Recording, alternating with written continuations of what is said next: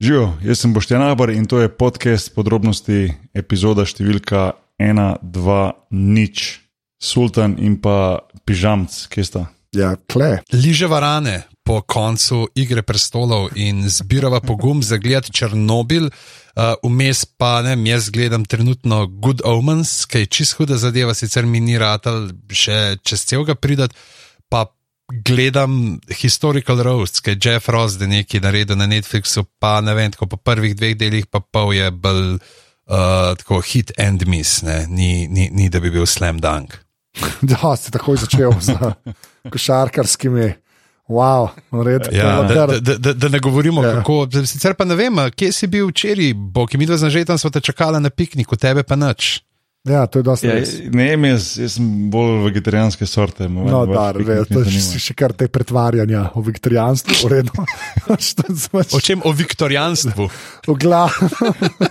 O, pozdravljeni, jaz sem uh, tukaj le uh, britanski plemič iz leta 1880 in rahlo zardevam, ko vidim takole kokošje perutničke, kar razkrite, uh, jaz pa tega ne bi jedel, ne, hvala. V glavnem. Kaj se kle dogaja? Študsko Ben ne ve, v resnici Ben več ne ve.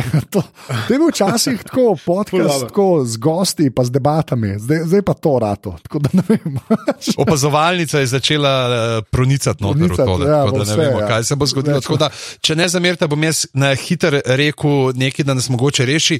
Uh, lepo povabljeni vsi skupaj na aparatus.si, na Twitterjih smo afna aparatus, počrtaj si, seveda tudi afna podrobnosti, počrtaj si, kaj se dogaja z našim služnim strokovnjakom, ne ve nihče, ker je že nekaj časa presneto tiho, ampak tu gruntamo, da mogoče koplje rov. Seveda mu ne bo uspelo, ker smo na vse kanalizacijske jaške v okolici headquartersov uh, nastavili uh, lito železne rešetke, eh, na katerih potem ob vikendih eh, tudi pečemo žar. Eh, Če ste na Facebooku, smo aparatus.si, pridite tudi v aparatus legitimna FB skupina, kjer se eh, Game of Thrones eh, memi počasi iztekajo in mislim, da zdaj lahko vse povabimo, da dajte svoje najljubše košarkarske uh, meme limati uh, naslednji teden ali pa dva. In uh, seveda uh, tale podcast uh, vam prinaša zabavno stran basketa podpri.si. Hvala. Odlično, bogi, kaj bomo danes delali, jaz ne vem, kaj to že spet. Vse je že pižam, vse povedal, jaz ne vem sploh kaj tu za dodati. Da, ja. ne, ne uh, basket, normalno, NBA uh, finale je tu, treba ga je, treba ga je obdelati iz vseh strani, uh, koga drugega povabiti kot pa Luko Štocina in to je to. Ja, Živijo. že je študsko. Ej, ti se ne smeš oglašati pred introm. Ja, to je res. A ja, sorry, čakaj. Okay. Zdaj okay. smo zajeba, zdaj ni več Zdaj uh, ni po- napetosti. Ja, potem A, deva- a bo sploh imel intro song pol? Ja, mislim, da ga moramo. Ne, ne, ne, ne, ne, ne, ne bo, bo, bo. Veš zakaj? Ker bom jaz nekaj rekel, Anže, štarti zadevo.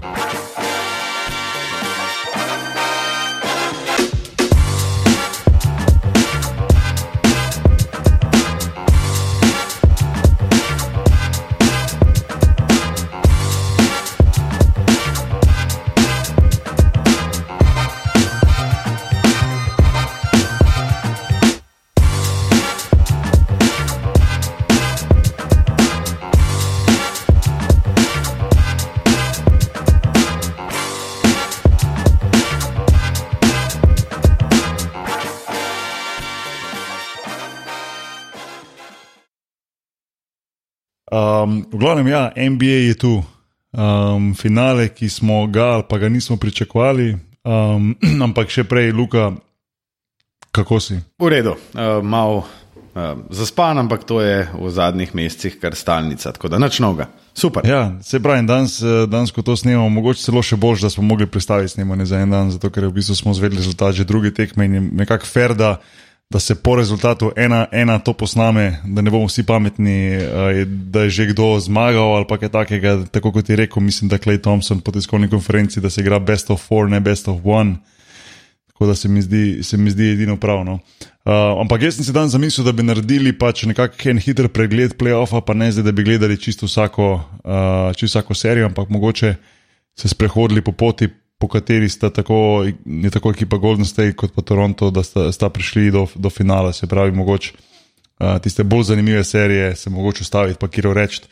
Um, Jaz moram priznati, da, da daleč od tega, da bi vse te tekme videl, Luka, ne vem, kje je število tekem, ki si jih ti uspe, uspel videti v playoffu. Uh, pižama, vem, da vidi vse, če ne jih pa odigra na PlayStationu, anže pa itek luftar. tako da- Jaz mislim, da ti zdaj malo hejtaš uh, Jokerja. Da si rekel, da bom sam te gledati, nekaj so prišli do finala, da nav Jokiča, da demo Jokiča malo šejdati.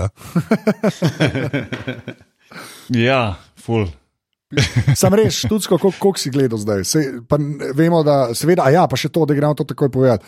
Unih pet ljudi, ki še ni slišalo za podcast, dvokorak pa jih posluša, tam štucin, pa še dva modela, uh, pač govorita o, em, govorijo o NBA-ju. No, tako bom rekel. Tako da, ja, No, recimo, da se tukaj- polovico podcasta Ja. ja. se trudimo govoriti o NBA-ju, drugo pa ponovadi govorimo o neumnostih. No. Ja, okay. Ponavadi uh, lahko poslušamo recenzije uh, Euro Dance Plat iz sredine 90-ih. Ne, kaj ste nazadnje rekli, že za Venga Boyze, pa to Unlimited. Uh, v redu, um, tak 90s tehno s pridihom hip-hopa, fantastično. Recimo tudi Out There Brothers ne, z Bum Bum Bum Štikelcem, ki je bil izjemno znan ne, v tistih časih. Tako da ja, ja, smo tudi to obdelali. A, a zdaj jaz lahko že spet povem, da sem dejansko bil v hiši, ki je bila včasih v lasti une ženske iz Tu Unlimited. Mislim, da sem to že enkrat povedal, ampak Kaj? ja, to je ta moj connection. z To je, Two pa, to je pa fun fact, res. Ja, tako da, to je ta trivija, za katero ljudje poslušajo ta vodka. Ne, sem, sem tu Unlimited, sta bila, svoj caj sta bila legit, sta res. Sem to poslušal pred tekmo in da sem se nahajal, pa sem ga pa na segrevanju zabil, ko ga še v realnem tekmi nisem mogel. A res? Tisti- Ja, Kaj bi To bilo še, če bi skuterje poslušal? Hajpa, hajpa, to hajpa. bi pa ta, ta pa preskočil, po mojem. Ja, to pa how much is the fish, pa je. Pa, E, tega komada, to si pa ti meni že stokrat rekel, pa še zdaj tega komada jaz ne poznam. Ampak ok, pustimo. To je priredba v Dunga komada, ribi, ribi, ribic. ja, ja, to je to. Ja, ja. Meni je všeč, da smo končno To to. po 120 epizodah tega podcasta omenili Venga Bojse. Hvala, što cen. Hej, ni Ja. panike. Z veseljem priskočim na pomoč. Ja, točno to. Sploh, ker sem jih jaz ta prvi omenil, hvala. Ja, okay, sorry, Ja, ja, ja, no, ampak vemo zakaj. tako Da, ampak ja. Da, kje, a, začnemo? Jaz bi, jaz bi začel na zahodu, če lahko. Ne? Če gremo malo okay. čez ta playoff, samo zaradi tega, ker je zahod v narekovajih močnejši. Ne? Uh, tako da, uh, pa valjda, jaz bi kar tako Portland domenil na eni točki, uh, ker, ker so bili, No, ker so zgledali ok, okay nekaj časa. No, pa sej, sej, sej, sej prišli bi še do tja. Jaz mislim, da je Golden State še prej igral dve zanimivi seriji, Clippers pa Houston, pa mogoče na koncu pol pomenimo Portland. Ne, A ja, okay, Nekako- jaz sem mislil samo to, da preskočimo že spet uh, Jokiča. Ne bomo, Okej, ne bomo, ne bomo, bomo, bomo menili, bomo menili Zmeden. Denver, Portland. Ne, um, ne prvo, kot- mislim, prva serija, recimo Golden State, Clippers je uh, 4-2. Um, jaz mislim, da to je bila ena taka tista serija, kjer nekako se res, vsaj po mojem, se mi je zdelo, da pač Golden State nekako igra še za tistimi 75-80% mogoče. Uh, videti bil več kot očitno tisti hype uh, Clippersov, ko so dobivali tisti prvo, mislim, prvo, tisti dve tekmi. Uh, in, in tu nekako vidiš, kako realno uh, je Golden State verjel v sebe, da bo vse v redu, pa koliko se je v bistvu na nek način malo napačno, so se igralci Clippersov veselili, ker so v bistvu, če si gledal ti veselje po zmagi Golden State, je tako, ja pač ok, uh, zmagali smo tekmo. Clippersi so pa dobesedno slavili UEFA Champions League po vsaki zmagi. Ne? Um, ne vem, Luka, ti si verjetno to bolj podrobno spremljal. Se ti je zdelo, da v bistvu v tisti seriji nekako se je že vnaprej vedelo, koliko je ura in da v bistvu, a ne glede na to, da je to bila serija 4-2, uh, je bila v bistvu premoč vseeno očitna oziroma moč na strani Golden State. Ja, kar se mene tiče, pa vseh um, ljudi, s katerimi sem se pogovarjal v času začetka te končnice, meni je bilo, oziroma vsem nam je bilo jasno, da je Golden State ne samo favorit, ampak da bo tudi šel naprej. Ne? In Golden State je recimo naredil tri leta nazaj eno veliko napako. Pa ne ravno napako, no, vse so podrli rekord um, Chicago Bullsov s, uh, s 73 zmagami v eni sezoni, ampak se je takrat videl, predvsem ob zaključku končnice, da so pa čisti strošeni tudi. Um, Zapravili so vodstvo 3-1 proti Clevelandu in izgubili naslov prvaka, zdaj se pa zdi, da so skozi leta že toliko um, zrasli in tako dozoreli, da vejo, kdaj točno morajo stopiti na plin, uh, vejo, da bodo na 75 odstotkih, kot si ti rekel, boki, prišli naprej in meni se je zdelo to pač taka šolska, um, šolska serija uigravanja za Golden State, ki se je takrat, smo v bistvu vsi pričakovali, že pripravljal oziroma že z enim očesom pogledal proti Houstonu.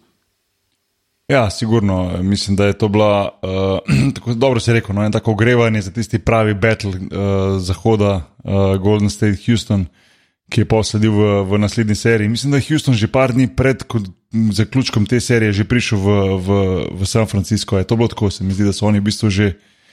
Uh, pa, par dni prej, ne tam le v bistvu si, si, si ogrevali roke in noge in, in, in čakali ta dvoboj, kot, kot da nek, nek bokserski dvoboj uh, dveh, dveh gigantov. Uh, ampak tudi tu v drugi seriji, oziroma v drugi rundi, je potem Golden State postavil stvari na svoje mesto. Mislim, da je bila odločila tista peta tekma, potem, ki so jo, uh, oziroma pardon, ja, peta tekma, ki so v bistvu ja. nekako že pomagali, nakazali na to svojo premoč in potem uh, so stvari, so stvari stekle do konca. Jaz mislim, da Houston enostavno uh, je še vedno preveč one-man band, kako koli oni mogoče govorijo, da si želijo stran od tega. Uh, se mi zdi, da vse preveč sloni pač na hardno in se vedno dogaja isto da pač on sam pač ne more premagati, ne glede na to, kako je kvaliteten, sploh v napadu in da lahko ima tekme po 50-60 točk. Enostavno proti Golden Stateu, kjer padajo z vseh strani in kjer moraš znati tudi zaustaviti te nalete, uh, se mi zdi, da pač Houston enostavno, enostavno nima dovolj in to se je letos pokazalo. Uh, mogoče se ni samo pokazalo, mogoče se s tem odprle še, še večje težave Houstona, Uh, ker če jim letos ni uspelo iz prestola vršiti, uh, pa saj iz prestola zahoda vršiti Golden State, um, pri tem vprašanju, če bojo še kdaj lahko imeli tako močno ekipo, ker si vemo, da v NBA pač ljudje se starajo, tako kot vse posod, pa seleri cap obstaja in uh, vedno bolj zavezane bo roke Houstona. No. Se kaj drugače ti videl, Luka? Um, ja, meni je v bistvu Houston letos imel slabšo ekipo kot lani, predvsem zato, ker niso imeli uh, dva, ki lahko branta perimeter, to se pravi branilske uh, položaje in ki lahko primeta recimo tudi kakšnega krilnega centra pod obročem, predvsem zdaj, ker je liga NBA, moderna liga NBA postala precej nižja. In to sta Trevor Ariza in Luke Richard Mbamute. Um, oba zelo dobra obramna košarkarja. Arizo so spustili, ne vem zakaj, v Phoenix, uh, Mbaja, Moteja, so mislim, da celo na Waver je dal. In oni so s tem izgubili zelo veliko. V bistvu je bil edini PJ Tucker, ki je res, res dober. Uh, skozi celotno sezono igral uh, obrambo, v bistvu je bil njihov edini pravi 3D košarkar. Uh, Lan so imeli pa recimo tri takšne košarkare in so bili zaradi tega tudi precej širši, boljši spacing so imeli, ni tok spet vse slenili na hardno, čeprav je. In lani so bili v bistvu eno stegensko mišico, Krisa Pola, stran od tega, da premagajo Golden State. Mislim pa, da se bo um, letos polet zgodil to, da bo Daryl Mori, ki je GM raket, uh, mislim, da kar razprodal ekipo, oziroma probo saj začeti nek uh, rebuild. Ne? Bojda so na trade bloku vsi. Ja, to, sem, to, no. to, sem, to sem zasledil, ja. čeprav po drugi strani bo zelo težko traditi igralce. Ne? Uh, mislim, nekatere ja, seveda. Uh, recimo si lahko predstavljam, da lahko Clint Capello recimo tradaš, vprašanje pa tem, kaj dobiš nazaj. Se mi zdi, da Clint Capello je zelo kompatibilen z, z Hardnom in, in, in vprašanje, kaj tu potem iščeš, razen mogoče kak prelif, neko nagrad, nadgradnjo nad njim, dvomim, ki bi lahko dobil. Uh, Medtem ko pa Kris Pola, se pa, se pa mislim, da ga dobe ne bo hotel njega in njegove 40 milijonske pogodbe vzeti. Razen seveda, nekaj se je omenjala ekipa Phoenixa, da bi to naredili predvsem z namenom, da pač enostavno na sebe naložijo Kris Pola in, in, in hkrati seveda dobijo ogromno njih draft pikov in tega, da se nekako mogoče osigurajo za, za, za prihodnost, uh, potrpijo, potrp, pač da potrpijo še te dve sezone, mislim, da jih ima Kris Pol na, na, na tej svoji pogodbi in, in nekako se jim potem odpre.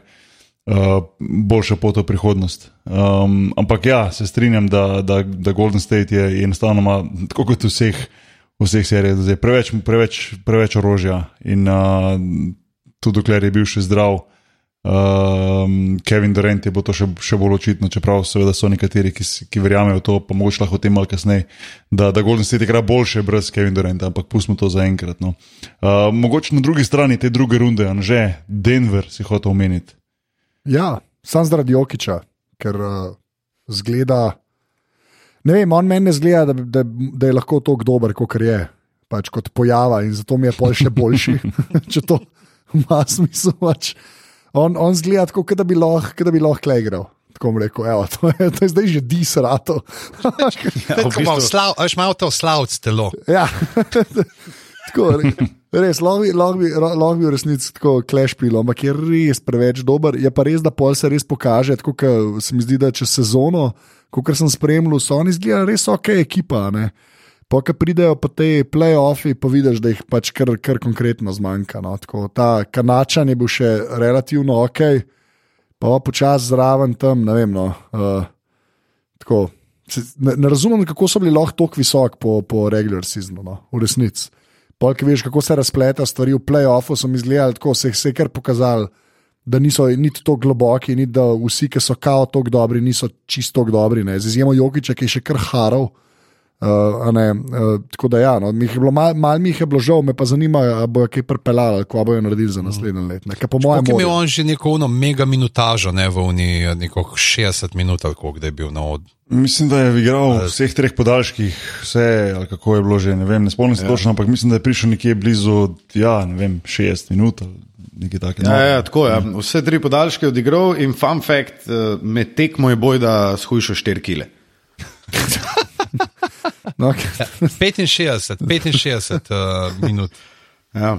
Okay. Ne, Wow. wow. tako, meni, meni je bilo res tako, ma, malo mi jih je bilo žal, ampak pa, pa jaz sem celo pogledal, mislim, jaz bolj rekepe gledam, ker, ker gadem, moram spati, saj takrat, ko lahko. Uh, pač, uh, sem, uh, kar, kar sem gledal, res tako pravice jim, da so v bistvu tako, tam, ne vem, trije so v ekipi, pa pa, pa, pa ful začne nihati. No. Uh, sej to, to zdaj valjda govorimo vse v primerjavi z raznimi Golden State, pa pol, ne vem, uh, Toronto zdaj ne, ali pa mm -hmm. dobro, Rockets mogoče celo ne. No. Ampak tako, zdaj so se mi čez regular season bolj profilana ekipa, pa se pa izkazali, Ja, ja, da ni, niso. Ne. Jaz se strinjam, jaz mislim, da so sploh v ključnih momentih tekem, pa ne mislim to zadnji napad, ampak tako v zadnjih 5-6 minut, teh, teh, te, sploh te zadnje tekme proti Portlandu, ko so potem izgubili 4-3, da so totalno zablokirali. a ne. Um, pač napad jim je čist zamrl. Jaz sem tisto tekmo gledal in sem rekel, ne morem verjeti, da ne morejo enega napada spraviti skupaj. Samo so dali Jokiču žogo na vrh rakete in tako, evo, da izpasi nas. ne. Mislim, na tak način v bistvu razen res neko, nekim heroičnim metom, pa ne vem, zadetkom prek roke, iz enega, kot Jokič kot center, recimo, da bi jih na tak način uspel rešiti, ok, ampak da ti v bistvu napad za, za napadom v bistvu počneš isto. Mene, mene so tu na te točke zelo razočarane, kar se tega tiče. No? Ampak sem potem kar malo razmišljal o tem, pa sem rekel, ok. Oni so ekipa, ki je tako reče, up and coming, ne, in, in, to je bil prvi, mogoče za njih res nek tak pravi test. Ok, prejšnji rundi so igrali San Antonijo in jih tako zmagali 4-3, San Antonijo je vedno neugoden, ampak uh, se mi zdi, da se je nekako, da jih je mogoče malo tule ta realnost prebila na tla. Ne? Pač nimajo še toliko zrele ekipe, nimajo tudi nekih veteranov, ki bi v teh momentih potegnili ekipo naprej. Uh, in, in to se je proti Portlandu pokazalo, ki, ki pa konec koncev so malo bolj zrela ekipa, ne, in ki ima enega Damian Lillarda in pa uh, McColluma in pa, in pa ostale, ki so v bistvu odigrali zelo zrelo končnico, no, sploh te sedme tekme. Okay. Um, Uh, ja. Eno vprašanje. Ti uh -huh. si eh, kot profesionalni košarkar v Ligi NBA eh, zelo pogosto igral, najbrž tudi v Denverju. ne? Um, a se res toliko pozna in občuti ta nadmorska višina, glede na to, da Denverju rečemo Mile High City, ne mesto miljo visoko, a se res toliko pozna, res potrebuje človek, vem, tri dni časa, da se akli- aklimatizira na vse skupaj. V bistvu, um, v bistvu je to bolj, rekel, odvisno, koliko ti dovoliš, da te to, da te to v bistvu, ne morem reči, jih pretrese, ampak da, da, da, da to pač ima neko vpliv na tebe. Um, pa bom to rekel zato, ker um, jaz, ko sem šel prvič igrati v, v Denver, v moji, v moji prvi sezoni uh, za Houstonom, mislim, da je bilo to ena od prvih tekem v, v, v rednem delu, da smo igrali v Houstonu, mogoče celo druga tekma moja, v moji karieri. In sem takrat tudi igral kar nekaj minut in se spomnim, da v bistvu. Uh, je, takrat so me vsi upozorili, pazi, gremo v Denver, tam je pazi, da se ne zadihaš, prvih par minut bo peklenskih. In se spomnim, da, se, da, da te res prebije, fula. Ne? Um, tako da ni to, da, da, da, da nič ni na tem. Ampak kasneje, ko sem igral, v bistvu pa, pa nekako se na to mogoče malo bolj psihično pripraviš, mogoče ne gledaš to kot na nek bao-bao in pol tudi nekako greš skozi tisto krizo, ki nastopi ponovadi v prvih par minutah v, v prsih, a ne. Uh, ko enkrat to prebiješ, potem več ni problema. No? Tako da, uh, sigurno je to malo napumpano strani medijev, je pa tudi nekaj na tem, ta višina in ta bolj redek zrak, sigurno naredi svoje. ne. Um, je, pa, je pa, se mi zdi, da je pa to tudi pri tistih igralcih, ki so igrali na zahodu in ki igrajo tam večkrat, da to več ni tak, tak šok. Je pa, je pa, ko greš prvič igrati, se mi zdi, da te, da te pa malo prebije. To je tako, kot da bi šel v bistvu, uh, mislim, da je rogla na taki višini, ne pri nas in da bi šel v bistvu ne vem, na roglo igrati tekmo, se pravi, isti dan greš gor in da igraš tak, takoj tekmo. Se mi zdi, da bi imelo to nek določen efekt. Ne? Jaz sem sicer doskrat bil na pripravah na rogli, ampak tam si tako skozi matran, ker so pač priprave. ne veš, je to zaradi Ja, ja, višinske razlike, je. pa zaradi tega, ker te, ker te, ker te trenerji gonijo gor pa dol po tistih hribih. Ampak uh, če bi šel pa tekmo igrati na tako višino, bi bilo pa zanimivo je to primerjavo, to pa sigurno. Ne? Um, pa sploh ne vem, a ima, mislim, to je mogoče vprašanje za kakega doktorja, ampak a je razlika, če ješ ti z busom gor, pa se telo počasno navaja, ali pa ti v bistvu da letiš z letalom, pač, uh -huh. pa pristaneš že viš, više gor in potem si že na tej višini. Ne vem, lej. Um, nekaj je na tem, ni pa tako velik bal, kot se govori, tako bom rekel. No. Lahko bi naredili eno tekmo, še vogo bi lahko imel, ne ekipo. Vogo Jurija Ja, Vogo. 900, zdaj le gledam. Pač ne, rogle je na Jurija pa pol, se pravi, to je tako kot Denver.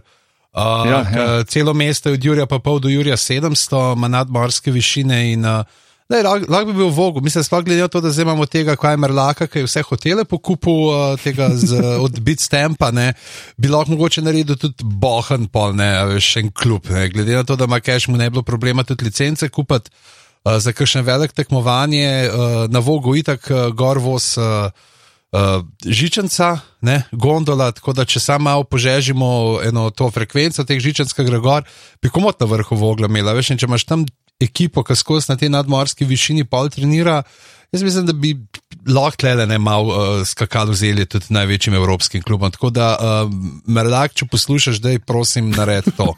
Nared to. E, Jaz, ho- jaz hočem, ej, prav tako. Kdo bi bil lahko sponzor gor na Voglu? Ne? Što bi bil ekip, ne vem, uh, Adrija Vogel ali kaj takega. Oziroma, ne, pač to verjetno bilo njegovo, neki zlatorok Vogel. Lahko bi bila Viagra, glede na to, da boj, da mislim, slišal sem, da Viagra pomaga proti tej višinski bolezni. ali kako je. Višinska. Zdaj, ti rečeš višinska bolezen, kolesari reje, ji rečejo, mmm, Ja, ne, Denver, je, zaradi, on je, Denver je bil najboljša uh, ekipa, domača ekipa v rednem delu sezone. Um, so pa, če gremo nazaj k basketu, no, um, so pa. Prav, um, Mislim, da zelo veliko uslugo tudi Golden State naredili, ne? zato ker so Portland mučili teh sedem tekem, to je bilo za njih tudi zelo naporno. Portland je namreč ekipa, ki je tako oddaljena od vseh ostalih ekip, da oni trikrat več prepotujejo kot celotna zahodna konferenca skupaj v enem letu. Zato ker oni so čist na severozahodu Združenih držav ne? in Jaz mislim, da so bili vsem precej bolj uh, zmatreni. Pol pa še ta visi, višinska razlika. Ne? Portland je, po mojem, prišel v serijo proti Golden Stateu res pripravljen na 36 minut tekme, v njih naslednjih 12, oziroma vsaj tekom tekme, pa 12 minut enostavno niso odšpilali. Jaz mislim, da je Nikola Jokič tukaj naredil zelo, zelo veliko uslugo Golden Stateu. Ja, da so oni dejansko tako zmatrali. Pač, da, Ja. ja, okay, se, ampak je, je zanimivo meni tudi, da, sploh, da je sploh prišlo tam do sedme tekme. Je pa res, da glede na to, kaj je Lilar delal že pri Oklahomi, ne, ki smo jo kar pozabili, da ne obstajajo. Sam povem, da smo šli mirno memne, se so zgubili zelo hitro, ampak oni so bili kao unik, hej, nam bo pa neki ratal letos. Ampak ja, jaz mm. mislim, meni je Portland v bistvu še dost uh, dolg zdržal vse skupino. Ampak ja. Ne, Portland je itek, se mi zdi, da je nekaj. Jaz sem zelo Portlanda zelo prvošel, da je letos prišel tako daleč, ker se mi zdi, da so toliko let zapored bili nekako. Uh, do, ali so imeli dobro reden, reden del sezone, ali so nekako na koncu mogoče izgubili kako težko serijo.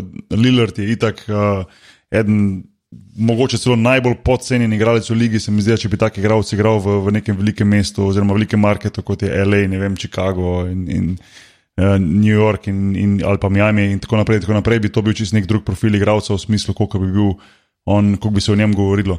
Um, se je pa videlo, ja, se strinjam, da sta bila ta njihov, oni so zelo point guard heavy, oziroma guard heavy Portland in v bistvu veliko sloni na tem dvojcu, ki je izjemno uspešen. Mislim, da je v tem playoffu, če se ne motim, po enem statističnem podatku, celo veliko bolj uspešen kot recimo Clay Thompson pa, pa Steph Curry. ne.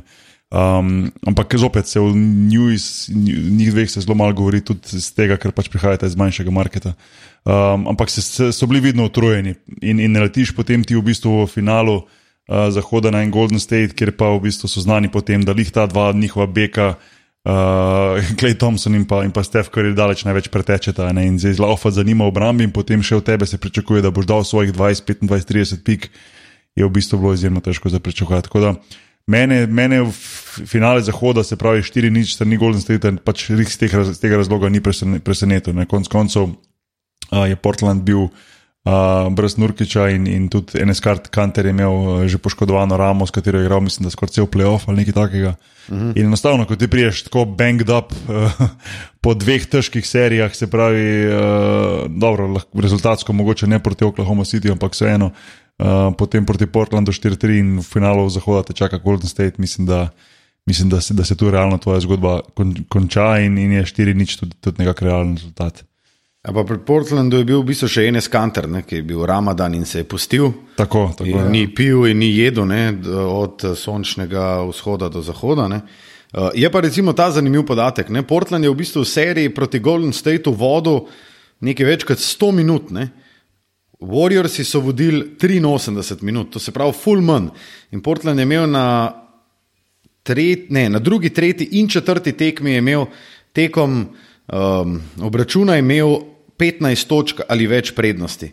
In oni so čist vedno v drugem polčasu razpadali, takoj ko sta te dva psihopata, Clay Thompson in Steph Curry, začela laufati, okoli se prebijati čez dvojne bloke in meta tu ne trojke. In Draymond Green je rekel, mi lahko zaostajamo za 15, ampak mi od prvega do zadnjega vemo, da lahko v 4 minutah to nadoknadimo, pridemo nazaj, poberemo momentum, pa na koncu tekmo dobimo. Ne. In meni se zdi, da je to, recimo, to, kar je Draymond rekel, najbolj opisal to serijo proti Portlandu. No, sej, jaz mislim, da je točno to tudi pokazatelj tega, da, da Portland je imel določeno kvaliteto in je bil zaslužen v finalu, ker konec koncev na tolikih tekmah voditi proti Golden Stateu. In, in na tej točki Golden State, mislim, da smo že videli pravi Golden State, tu več ni bilo tiste nekega ogrevalnega Golden Statea. Um, se je vseeno, se, se je Portland pokazal to svojo, to svojo kvaliteto. Uh, hkrati je pa tudi pokazal to svojo psihično in fizično utrujenost. In, in tu, je pa, tu je pa Golden State, njihova mašina pride do izraza. Ne? Ker, kot je rekel Draymond Green, pač ja, oni bodo imeli svojih 3-4-5 minut in to bo dovolj, ker oni so enostavno mašina, ki melje, melje, melje in potem zmelje. Sej, konc koncev smo to tudi videli zdaj v, v drugi tekmi finala proti Golden State, eh, proti Torontu, ne? ampak o tem mogoče lih malo kasneje. Um, gremo naprej na, na, na vzhod, um, kjer pač imamo v finalu uh, Toronto. Uh, jaz bi, če se strinjate, prvo serijo, pa no disrespect, ampak proti Orlando mogoče preskočil, mogoče ni bila najbolj zanimiva serija. Jaz moram priznati, da sem, danes, da sem prej, predtem smo začeli snimati, prav mogo pogledati, s kom so že igrali v prvi rundi. Uh, je pa sigurno bilo super za Orlando in tu moram pa jaz sam tudi nekaj priznati, da jaz Orlando nisem videl playoffov. Mislim, da ko smo delali en podcast o, baske, o NBA sezoni, v začetku sezone sem jaz bil eden od tistih, ki ni verjel, da bo Orlando lahko prišel blizu playoffa. Tako da sem se kon konkretno tu zmotil in in, uh, in to tudi priznavam, odkrito. Da, um, ampak, ok, če gremo naprej v drugo rundo, recimo Toronto, Filadelfija. Ta, ta je bila za mene ena boljših uh, serij, ki smo jih videli v letošnjem playoffu. Um, pa, da ne bom jaz preveč govoril, mogoče Luka lahko ti malo poveš, recimo v tej seriji, kako si, si ti videl, pa, pa kako ti je potem ta rezultat na koncu uh, koliko je bil zdaj presenečen ali pa ne, da je Toronto uspel zvleči na način, ki ga je izvlekel. No, proti izjemno talentirani ekipi Filadelfije, ki pa ima tudi pred sabo kar nekaj odločitev, ali zadržati to ekipo, ali jo nadgraditi, ali razpustiti, tako da bo, bo še zanimivo poletje. Ampak ok, sama serija. Jaz sem samo tako srečen, da je Filadelfija izgubila. zakaj, hater, zakaj? O, ful sem hater Filadelfije, ker ne morem, Bena Simonsa zaradi njegove igre.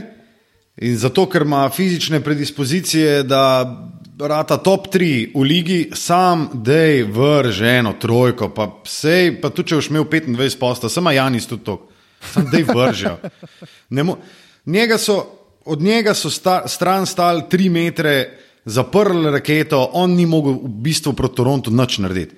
Če si dal na njega Kawaja, ga je ostalo, če si dal na njega Paskala Sijakama, ga je ustavil. In jaz, recimo, Bena Simonsa ne morem. Takoj, ko bo začel malo metati, ko bo malo razširil svoj repertoar, ga bo imel precej raj. Pol mi je šel pa en bit tudi na živce s temi izjavami, pa skozi neki se hecel, pa ne vem, koga je lih zaklopo no, eh, s komovcem in se je pol smejal na novinarski konferenci, ki se je upravičil. In tako taki, taki malo prepotentni kreteni so mi bili in sem bil Kaj je una žoga šterkrat odskočila. ne. Ja, ja. sem bil tako srečen. In to je ena boljših fotk. Um, Ja. vem, jo boste dali v zapiske. To je meni taka renesančna slika. Ja, ja, ja. In Točno ti vem, sam pogledaš, vsak, vsak, vsako faco posebej pogledaš, pa so čist druga čustva noter. Eni so razočarani, eni vejo, oh, fakle, kaj se bo zgodil, en je full vesel. Tako, to je ena boljših fotkov basketov. Ampak um, jaz sem kar pričakoval, da vsedem tekem. No? Um, zato, ker je vse tudi po rednem delu, ki sta se ekipi um, srečevali, je nekako bilo tako ravnotežen, da ne more recimo Kowaj odločiti v smislu, da bi bilo 4-1 ali pa recimo en Joel Embiid odločiti, da bo 4-1 za Filadelfijo. In Meni je bilo edino pravilno, edino pošteno, da je bilo sedem tekem, je bil pa to, vsaj kar se mene tiče, najbolj epski game winner, odkar jaz spremljam basket. no. Ja, ne, uh, jaz, jaz bi tule mogoče o tej, o tej seriji predtem samo še omenil moje, meni, meni ljube nece, ki so po dolgem času uspeli priti v, v, mm -hmm. v playoff proti Filadelfiji, uh, so igrali prvo rundo in potem izgubili 4 proti 1. Ampak ja, um, se strinjam čist s tem, kar si povedal. No, mogoče jaz bi rekel, da, da obnašanje. Pa tudi igra, konc koncev, tako Simonsa kot pa Embida, enostavno kaže še na nezrelost. Um, se mi zdi, da v bistvu imata še kar oba dva neke kilometrine za, za, za v narekovajih, za preteč. Um, da, da v bistvu bomo videli potem tisto zrele, zrele igralce, ko znajo prenesti pritiske, pa se tudi temu primerno znajo obnašati. In, in se mi zdi, da, ja, se strinjam, da, da, da to je tudi bil en mogoče tak faktor, zaradi katerega so se letos kar neki uh, haterjev nabrali, med drugim tudi tebe. No, tako da, Ja. um, da imaš to cino, kar prav. Men- Menim biti, kakorkoli je re- dejansko dober, zdaj, ko mu kolena delajo. Ne, je pa res to pojavo, se mi zdi, da uh, sam čaka se, naprej se bojo vsi proti njemu obrnili. Tako, ki, Tudi tu neka bežno spremljajo NBA, ki neki cajt je bil še zabaven, zdaj pa samo en tak moronko. en tak tečen človek, ki po nesreči košarko igra. Tako da ja, jaz tudi. tudi uh, Me prav zanima, no, koliko časa to traja, naprej, da tako Ben več na umaru, več ali manj. Ne. Tako da, ne vem, bom videl. no. Moram pa reči, da uh, ful mi je nekako škoda. Škoda mi je tako Marjanoviča pa Harisa, ki sta šla v to ekipo, ki so res vsi dosta antipatični. Uh, čeprav ok, Redik mi je še ok, ampak pa so pa vsi več ali manj Jimmy Buckets. Ta človek res ne vem, zakaj je še v NBA v resnici, predober, ki svina, ampak ga dem je antipatičen. Pač. Tako, res pa ja, Simon se pa strinjam, to je pa weird, da to je. Prej je bilo tako, ok, pač ne meče, ker ne meče, ne. Zdaj pa res tako, se vem, da je že mim ratov, pa vse, ampak ne vem, v NBA-ju igraš, dej, vrš. Jaz, tega, tega, jaz, tega jaz tudi nikoli nisem mogel, nisem mogel čist, čist naštudirati. Čeprav, ne vem, mislim, mislim naštudirati, razumeti. No, čeprav mogoče, mogoče mu vseeno še, še vedno uspe razviti ta, ta meč. Čeprav ga ima mehansko toliko falinga, da v bistvu ne vem, če bo kdaj uspel spraviti. Saj, saj, saj ne vem, nočemo v številkah, ampak vsaj spodoben procent tega, da te ni sram polit pod konc sezone iz igrišča dol. Ne vem. Uh, en, enostavno pač en, nekateri, nekateri igralci je- imajo pač enostavno tako pokvarjen met in tako enostavno tehnično zgrešenega, da je, da je v bistvu res težko um, v prvi vrsti tehnično popraviti met, v drugi vrsti pa potem, oziroma kaj šele dobiti na, na, na, na tem, da na samozavesti, da ti potem verjameš, da lahko zadaneš met v, na tekmi. To, je, to so kar.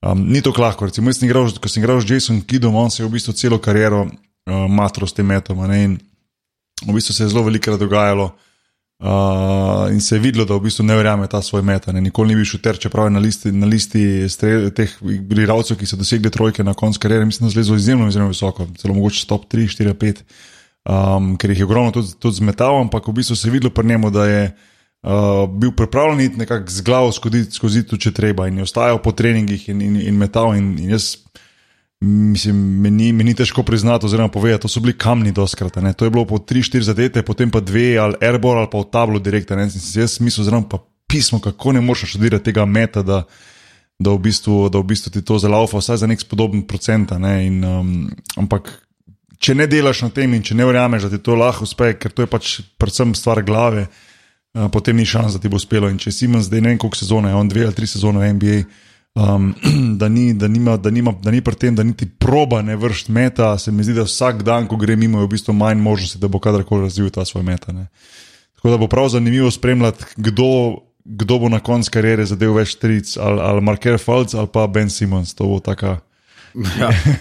to bo taka Jaz reč. mislim, da vse en Markel fal, ne, ne, bo Ben Simon, vse bo naštevilno. Boj, da so rekli polet, da, da ga bojo dalo telovadnico, pa da bo, da bo metal trojke Okay. Do Okej. nezavesti. V glavnem, uh, Toronto je zvlekel uh, 4-3, se strinjam, tisti met je bil res neverjeten. Jaz sem to tekmo, uh, ne gledam jih veliko v živo, tu pa tam, katero kdaj po noči celo pogledam, ampak doskrat gledam posnetke. Uh, to tekmo sem slučajno gledal takrat zvečer, bolj pozno um, v, v živo in, in sem tudi jaz. Pa redko se mi to zgodi, ampak sem kar obsedel pred televizijo, pa sem govoril, ne me jebe.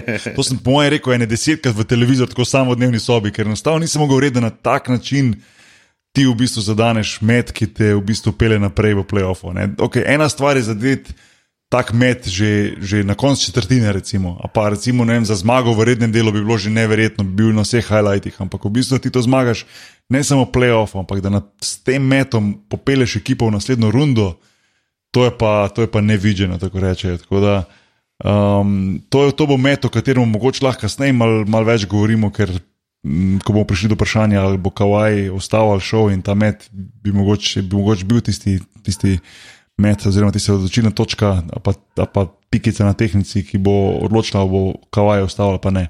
Um, ampak ok, o tem, o tem mogoče malo kasneje. Naslednja runda za Toronto je, bila, je bil Milwaukee, ampak še prej moramo omeniti pa Boston. Tu mislim, da bi Anže imel marsikaj zapovedati, ki je long time fan Bostona. Anže, izvoli priznati svoj poraz. Ja, ne, jaz, uh, hm, kot so bili lani simpatični, letos niso več tok. to je ta prva stvar. Uh, jaz ne vem, jaz ne vem. Uh, Noro mi je, da je lahko Kajdi Irving zdaj bad guy. ne, Uh, tako, čeprav on odkar je imel uno, The Earth is flat, mislim, da to je začel pike, to je začel pike zgubljati, več ali manj. Jaz sem da razumel, tam je začel piti. Tudi možno, tudi možno. Ja, sam je, uh, ja, jaz sem, moram, moram reči, da sem pa kar, kar razočaran. Zdaj, pa, mislim, se je že to nakazoval uh, čez, čez zareden del sezone. Ne. Uh, se mi zdi, da se je kar nakazoval, da, da nekako ne bo znesel, uh, tako kot so mislili, da bo. Ne. Ampak moram reči, da tako, se mi zdi, da imajo res tako ekipo, tudi deep bench se temu reče. Več ali manj vse štima, Kajri Irving je imel cela kolena. Ne vem, sem mislil, da res sem malo več pričakoval. V bistvu, no. Mi je pa všeč, da je Hayward vsaj v ta zadnji kva, četrtini sezone po playoffu zgledal, kot da je, smo pozabili tisti posnetek. Ne, ker ti smene, po mojem, bolj boli, kaj njega bolel, ker vidim tisti posnetek. Tisto- Ne, iz začetka sezone, ta, uh, tako da je zdaj na lanske, ki si je nogo res frderbal, se temu strokovno reče. Uh, je, je na koncu saj že ok, zgledam, ampak ja, res so bili ta, tako, tako so bili medli, pa to mi je ben me ne bo prepričal, da so vsi prijatelji v uni ekipi. Tako, no, nihče. Ni Se niso bili itak. ne. Ja, pač, da ful skrb držijo, pa na večerje hodijo, zelo dvomim. Tako rekel. No. Tako, imam, mm. Jaz imam full feeling, da pri Torontu na eni točki tako La, Lauri pa ven vlit, gresta na smudi. Ne. A Veš, jaz sem Terry, Terry Rozier, pa Kylie Irving, po mojem, sploh ne vem, če veste, kje imate drugo garderobi. pač lokal. tako meni deluje. No? Tako da mislim, da na podlagi tega ja, sem bil kar malo noj, da, da, da se je tako razpletel. Ampak mi v resnici mi sploh niso bili uh, tako, bom rekel, simpatični že, že pred playoffom. Mm. Da, ja, kar je bilo, je bilo. Uh, ja, ja, ne, ne, sej se strinjam, da v bistvu pri njih je res prišlo do enega takega klasičnega razpada sistema. Neka ekipa, ki je bila sestavljena, da gre, da gre zelo visoko, mnogi so jih mogoče po lanski sezoni. Um, pa dobro, mislim, mogoče, sigurno pa pred poškodbo Haywarda, sorry, uh, da so jih videli zelo visoko, tudi v finalu. Jaz sam sem jih tudi uvrščal, mogoče da pride lahko do finala vzhoda. Uh, ampak ja, je več kot očitno, da je, da je Kari Irving že nekako naredil check-out, kar se tega tiče. Tudi se mi zdi, da so njegovo obnašanje, njegove um, izjave, konec koncev, je nekako nekak pokazalo na to, kar je, kar je vedno zelo žalostno videti. Uh, in, in, in ni, ne? in zdaj so v bistvu postali tudi tarča posmeha v, v, v, v Game of Zones, mislim, da v eni zadnjih serij. Uh, sem se mogel dobro nasmejati. Tako da uh, tisti, ki še ne poznate, sem pejte na YouTube, vtipkite Game of Zones, pa uživite. Pa zavidam vam, da tega ne poznate, by the way. Tako da Um, tako da, ja, no, tu je pa na drugi, po drugi strani Milwaukee, ki je, ki je pa res ekipa, v- lahko rečemo, ta res up and coming, no, v bistvu skupaj z Antetokumpom na čelu, ki je progural vse do, do finala uh, v vzhoda. Um, tudi po mojem, bil resen kandidat, da pride v finale, igrali so zelo motivirano, igrali so uh, homogeno, uh, vse skupaj imelo nek nek rep in pa glavo, čeprav na koncu se je, sploh proti Torontu, se mi zdi malo izkazalo tudi ta neizkušenost Antetokumpa, ki je želel mogoče na momente malo preveč ena na pet rešiti situacijo, ampak um, je tudi ena od teh ekip, podobno kot Filadelfija, če bojo uspeli zadržati uh, par teh glavnih igralcev skupaj, jaz mislim, da, jaz mislim, da bojo nekaj se govori, da naj bi Lopez uh, mogoče šel in ne vem. Uh,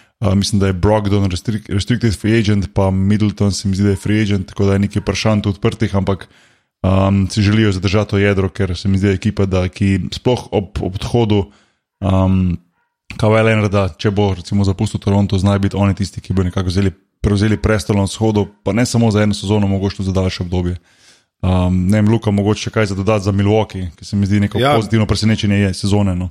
Ja, jaz se strinjam s tabo in mislim, da če uspe front office Milwaukee dejansko zadržati Middletona, ki ima sicer naslednje leto player option, ampak ima 13 milijonov isto, kar letos, tako da itak ne bo vzel, ker lahko uh -huh. dobi blizu max pogodbe. Brogdonu se izteče in Bruku Lopezu. Ne. Zdaj, jaz mislim, da Bruka Lopeza lah, lahko nekako še nad- nadomestijo, recimo, če podpišejo Nikolo Mirotiča naprej, ali pa še kakšnega uh, tako robustnega centra, ki zna zadeti za tri. Meni se zdi, da morajo pa nujno, nujno, nujno morajo podpisati Malcolma Brogdona, ker se mi zdi, da je on v tem trenutku najboljši backup play in lahko bi bil tudi prvi play, uh, kar je tudi Mike Barnholzer v zadnjih eh, tekmah serije proti Torontu delo, ga je dal v prvo peterko in sicer Janis bil na pleju, on na dvojki, ampak sta si menjala te organizatorske uh, naloge. Tako da mislim, da bo Brogdon glavni, glavni cilj polet, poleg Krisa Middletona. No. Je pa res, je pa res da pač eh, Bledsov ni vedel, kaj dela, ne? pa dal. Tako da, Fak, bled, stari. ja, to je kar slabo. Jaz sem bil, ko sem komentiral, to moram povedati. Jaz sem bil prav jezen, sem bil na Erika Bleca. Ker mislim, ok, sej je, jaz ne vem, kako je, ker si na igrišču, pa ke igraš v finalu konference, pa ke veš, da vsaka tekma je tekma tvojega življenja, pa ne vem, kva se ti dogaja, kakšen je proces in v glavi, in v telesu. Ampak Pa da je neki se zaletavati v ljudi, če vidiš, da ne moreš priti skozi antitokumba, pa skozi, eh, oziroma um, skozi Jakama, pa ne moreš priti skozi Marka Gasola, on se je pa zaletaval, zaletaval, zaletaval in une uh, šolske, veš, ka skoč najprej in pol šele išče podajo. In on jih je tok stran vrgel, da bi lahko komunalno podjetje prišlo pobrati njegove žoge, res tja, kot grozno. Meni, tukaj sem bil jezen, res. Se Pa pravi, sugeriraš dvojno položnico za, za odvoz. Za odvod. Hočem to. Kdo je že šola? položnica. KPL ali kaj je? Zdaj si se pa res razhudil. No. Uh, Ja, malo ma, mal sem se. Zato, ker sem.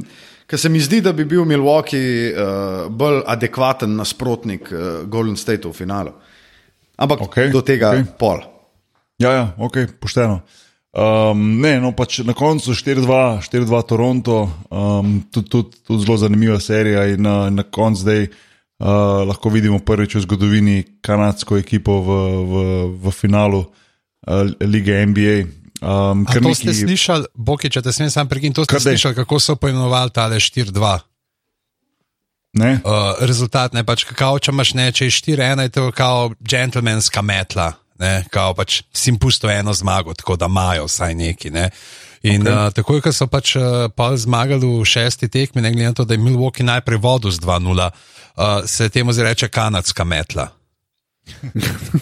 ja, oni so pa še bolj prijazni, mi vam damo pa še upanje, pa vse, ne pa to pa, pa pregazimo čez. Do. Canadian sweep, ja. Ja. Ja. In uh, so pa ne, pač ja, prva kanadska ekipa v finalu, pa še to ste videli, ta podatek ne, o igravcih, da so prva ekipa sploh v finalu, ki nima nobenega top 10 pika noter. A Ja. ok. Okay. Zanimivo je bilo celo, da v seriji Milwaukeeja in Toronta je bil najviše izbran igralec, edini, ki je bil de- dejansko v loteriji, noter je bil Brook Lopez, ki je bil deseti izbran. Vsi ostali, Leonard in Antetokumpo sta bila zbrana 15, vsi ostali so bili od 15 ali dol, druge runde, Gasol, Green, Middleton, tako neverjetno. Meni je ta podatek, mi je pižam, to je meni noro. To je res. kar Okay, je- s tem, da če lahko dodam zraven, če lahko dodam zraven eno zvezdico, da če bi, ga, Mark, eh, pardon, če bi Paul Gasol igral, on ne bi spadal v to kategorijo, ker mislim, da je bil top 3 pika. Ne? Ja, ja, ja, to je pa res. Tako da, tako, ampak ja, ampak ja, glede na to, da ni igral, bo to, bo to, bo to držalo. Ja, tako da, ful zanimivo, no, to nisem vedel. Um, se pravi, to je bil dvoboj odpadnikov, v bistvu. Ja, res. Ja, um, ampak ne, ja, uh, lej, se mi zdi, da tako Miloki kot Toronto sta pokazala res, uh, pa to mogoče malo poetsko se sliši, ampak zelo- zelo li- zelo veliko srce. No. Mislim, res brez bancije, ta sta se videli, da res grejo na polno, pa da je šlo res tu za ene take igralce, ki so lačni tega uspeha, da pridejo do, uh, do finala. Sej, ja, se bo vsak rekel, se temu je konferenčni finale. Uh, in se tudi spodobi, da, da se fajtaš na tak način, ampak res se mi zdi, da vsaj jaz sem gledal tako, da, da, da, da bi obe, obema ekipa sem enako privoščil, no, da, ima, da ima uspeh, ker sta obe dve, tako Toronto kot Milwaukee, ne veljata za nek mega center uh, košarke. Uh, Toronto, ja, sigurno svojo zgodovino, Milwaukee, bom rekel, mogoče malo manj uh, v smislu, da gre za manjše ameriško mesto in da smo bolj navajeni raznih uh, Chicago in, in, in, in LA-ov in, in, in zgodovinsko gledano Bostonov in New Yorkov in tako naprej, uh, da so, da so v spredju, vsaj, vsaj medijskem spredju. Uh, tako da je to bilo to, to zanimivo in um, to je mogoče ravno tudi posledica tega, da je NBA pred par leti, z- mislim, da tistim ta zadnjim kolektivnim barganjem, gremo tam tudi skušal mogoče. Dati malo več možnosti, da zadržijo te svoje najboljše igralce, te, te manjše, manjše sredine. In to je zdaj v primeru, recimo, bo ali pa ne bo vidno v primeru Antetokumpa. Za temi raznimi supermaxi, ki jih lahko igralci podpisujejo, bo zdaj zanimivo videti, kako bo lahko en, en, en Milwaukee obdržal svojo ekipo, ali bo recimo Toronto uspel zadržati svoje jedro skupaj s Kawajem, čeprav to- Kawaj ni njihov, njihov igralec. Golden State to že počne, Portland, uh, vidimo Lillarda, ki je nekako zvest Portlandu, pa je gre za manjši market. Se pravi, nekako so se tisti, tiste večje ekipe, pa večji marketi so se nekako izgubili v tem zadnjem, um, zadnjem času. Tako da bo zanimivo videti. Um, kaj bo, kaj bo prinesla prihodnost za te ekipe, ki prihajajo iz, iz uh, middle pa small markets. Ampak ok, gremo, gremo naprej, se pravi Toronto, Golden State, zdaj ko to snemamo, je rezultat 1-1. Um, po, na moje presenečenje, moram reči, sem se zbudil takrat po prvi tekmi, ko sem pričakoval, da bo Golden State dobil prvo tekmo. Nisem si zdaj mislil, da bo 4-0, ampak sem nekako stavil na Golden State v prvi tekmi. Um, pa je bilo potem ena nič za, za, za Toronto po prvi tekmi in sem to tekmo tudi pogledal in so jih Toronto res nadigrali, lahko rečem. Um, ne vem, Luka, mogoče kaj, kaj so bili po tvojem nekakšni ključi za to, da, oziroma kaj je ključ bil to, to, da so lahko uh, Toronto za nekatere vsaj mogoče prepra- pripravili presenečenje, za druge pa tudi ne. Se, če vprašaš vse te navijače v Jurassic Parku v Torontu, verjetno verjame, da bo, da bo na koncu kanadska metla, ne? Ja. kanadski sweep. Um, en fun fact o tem Jurassic Parku, boj da je včeraj prvi človek, ki je prišel čakati na karto, ker za tja tudi moraš kupiti karto, je prišel um, 10 do 1 zjutraj, drugi ob 1, tretji pa ob pol dveh in so v bistvu čakali celo noč, cel dan na večer, da so lahko noter nekje v zuni uh, spremljali na big screenu uh, tekmo. Um, Drugače mi pa zdi, da um, v bistvu sem hotel Bokiju dati eno pod vprašanje. In sicer, Izvoli. a se ti zdi, da meni se je zdelo, recimo na tej prvi tekmi, da se je Golden State poznal, da devet dni niso špilali tekme. Ker oni v bistvu devet dni ni, sem, ni točke v uh, sezoni lige NBA, da bi imeli devet dni dejansko skupaj frej. Dobro, se so trenirali, imeli veliko video analiz in tako naprej, ampak meni se je zdelo, da, bilo, da so čisti izven ritma, ker je Toronto nadzoroval rezultat od začetka do konca tekme. Nismo videli nobenega res uh, hudega delnega rezultata Golden Statea, kot smo jih vajeni, kot smo jih videli recimo tudi v seriji proti Portlandu in se mi je zdel, da je celo bilo preveč počitka, glede na to, da si ti sedem mesecev res skozi ritmo, igraš po tri tekme, štiri tekme na, na teden in se mi mogoče zdel to Um, recimo, glavni razlog, zakaj je Toronto dobil uh, prvo tekmo, glede na to, da so oni um, seveda mogli igrati več tekem, so jih odigrali šest na meš štiri in so imeli, uh, mislim, da štiri dni počitka, kar pa je, vsaj meni se tako, no, ne vem, jaz bolj to lajično gledam, um, se mi zdi pa malo bolj, da ostaneš v ritmu. Ja, jaz uh, sem razmišljal o tem, ko so po tisti prvi tekmi, ko sem gledal ta posnetek. Ne, sem prav gledal, če, če bo očitno, če bo, oziroma če bo vidno, da bo mogoče malo leseni na momente, kar se dogaja, doskrat, kadar si brez, brez ritma in kadar si brez tega tekmovalnega ritma. In se mi zdi, da je to bilo vidno na, na določenih, določenih momentih. Um, zdaj, noben ne bo nikoli vedel, ali je to bilo ključno ali ne. ne. Um, vsak igralec lahko mogoče po svoje pove, da je to vplivalo na njega ali ne. Jaz se vedno spomnim, ko govorimo o teh uh, prostih dnevih, pa tega se spomnim Beograda 2005, ko smo mi igrali takrat isto. Uh, tekmo proti Nemčiji in izgubili v, v četrtfinalu, ki smo bili favorit.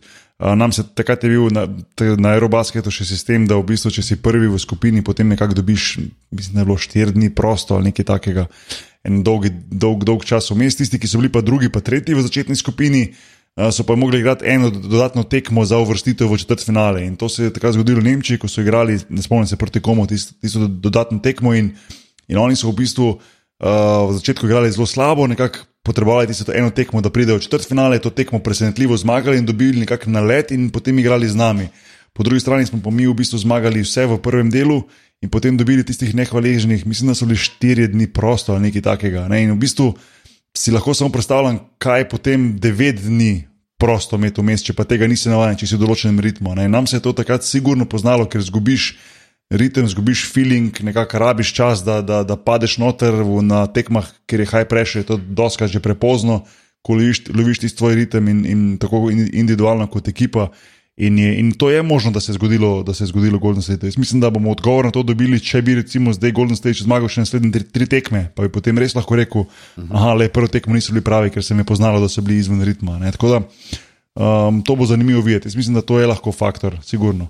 Um, Ampak eh, v, v vsakem primeru pa, pa se mi zdi, da smo šele v tretji četrtini druge tekme zdaj videli v bistvu nekako ta Golden State, ki je uh, pa začel počasi prihajati ta svoj ritem, to svoje igro, to svoje gibanje, hitre podaje, kontranapadi, uh, zadevanje, težki, ampak meti, ampak oni jih znajo zadeti, so ekipa, ki je sestavljena na, na tak način, da zadeva te metejo iz, iz velikih razdalj in, in ne, iz nepričakovanih situacij. In tu so pa oni nevarni. In, in, in če oni padejo v ta ritem, uh, mislim, da, da bo Toronto težko najti odgovor. Sploh zato, ker se zdaj v bistvu pač serija seli na zahod in, in tu bo sigurno Golden State igral svoje možnosti, da, da prvo pride do izida 3-1, kar se da hitro in kar se da lahko. No. S tem, da Golden State je igral brez Kevina Duranta, poškodoval se jim je sred tekme Kevin Looney. Uh, Andrej Godala igra praktično z eno stegensko mišico, Klej Thompson se jim je poškodoval, sem to že rekel, no, yeah. v vsakem primeru. Um, Um, um, um, čakaj, KD, Klej Thompson, Kevin Looney, Andrej Godala. Dobro, to, uh, plus Kazins, Kazins ni pravi. Ja. Tako, Kazins ni še čisto ritmu, plus Stef, kar je bil včeraj v prvem, po, oziroma v prvi četrtini, sicer so pol pod uraden razlog, so dal dehidracijo, kar sicer ne vem, kako se zgodi, glede na to, da imaš un klinčev Gatorade skozi ran sebe. Ampak ok, ampak je bil kao dehidriran, ampak je šel v slčilnico, prišel nazaj in dal v drugi četrtini 16 točk, tako da je bilo več kot očitno vse v redu. Ne. Se mi pa zdi, da bo vse en za tako.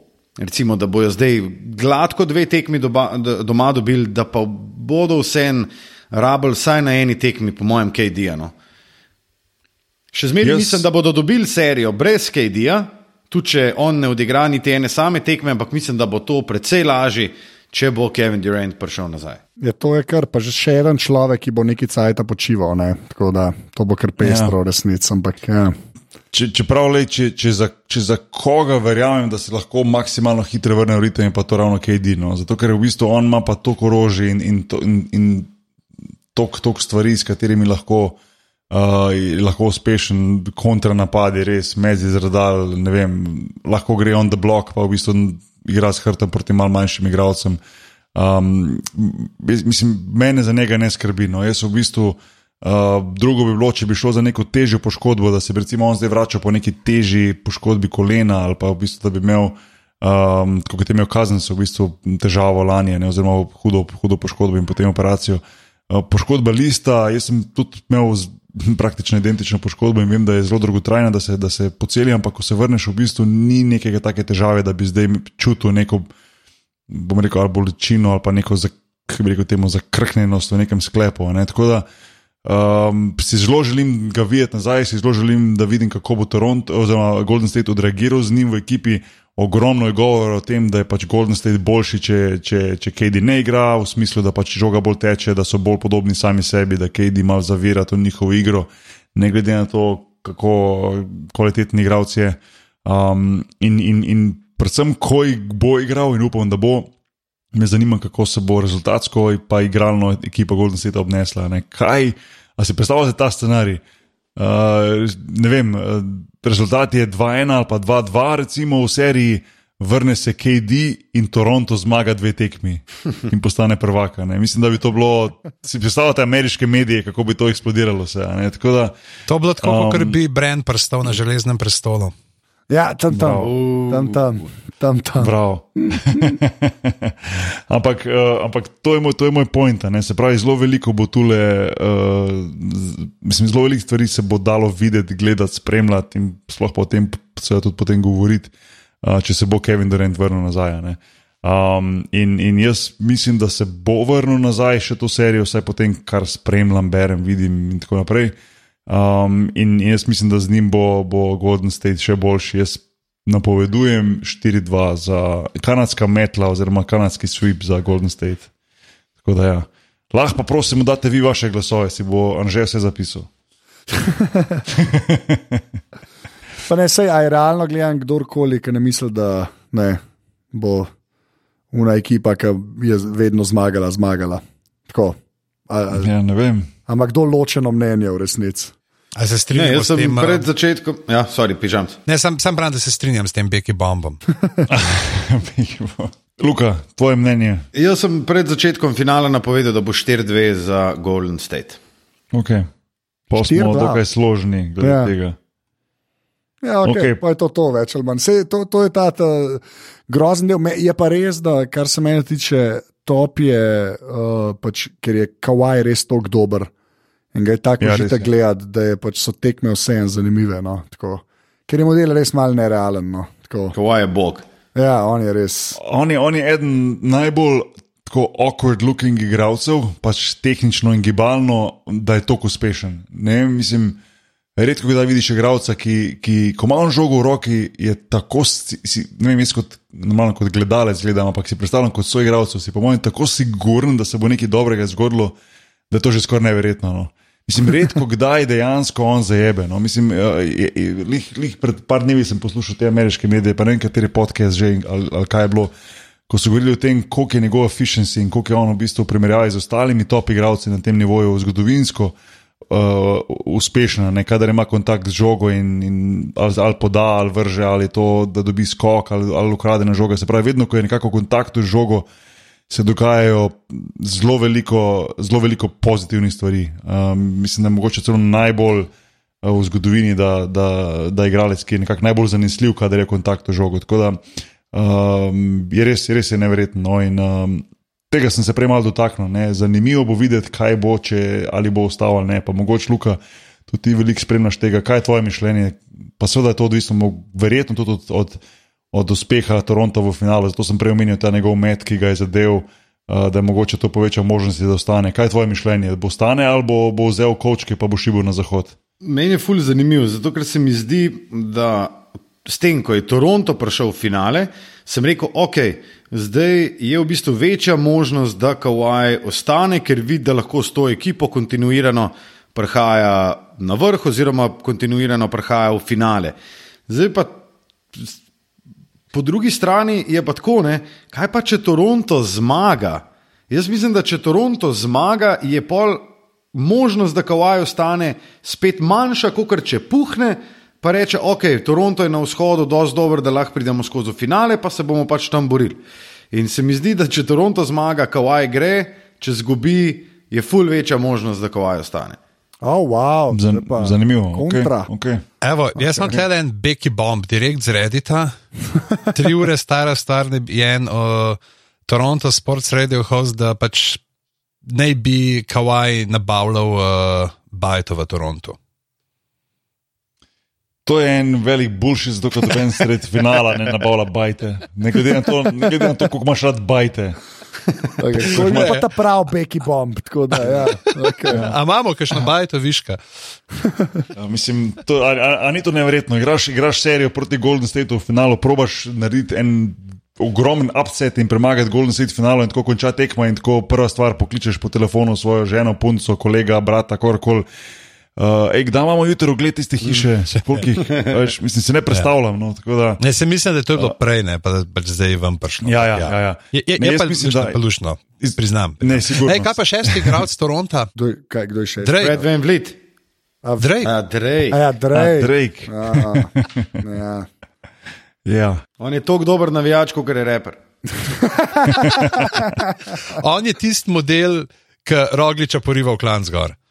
Ja, ja, to je to. Ja. Oh, Jezus Kristus. Um, ja, ne, je pač, ja, je viden, tako bom rekel.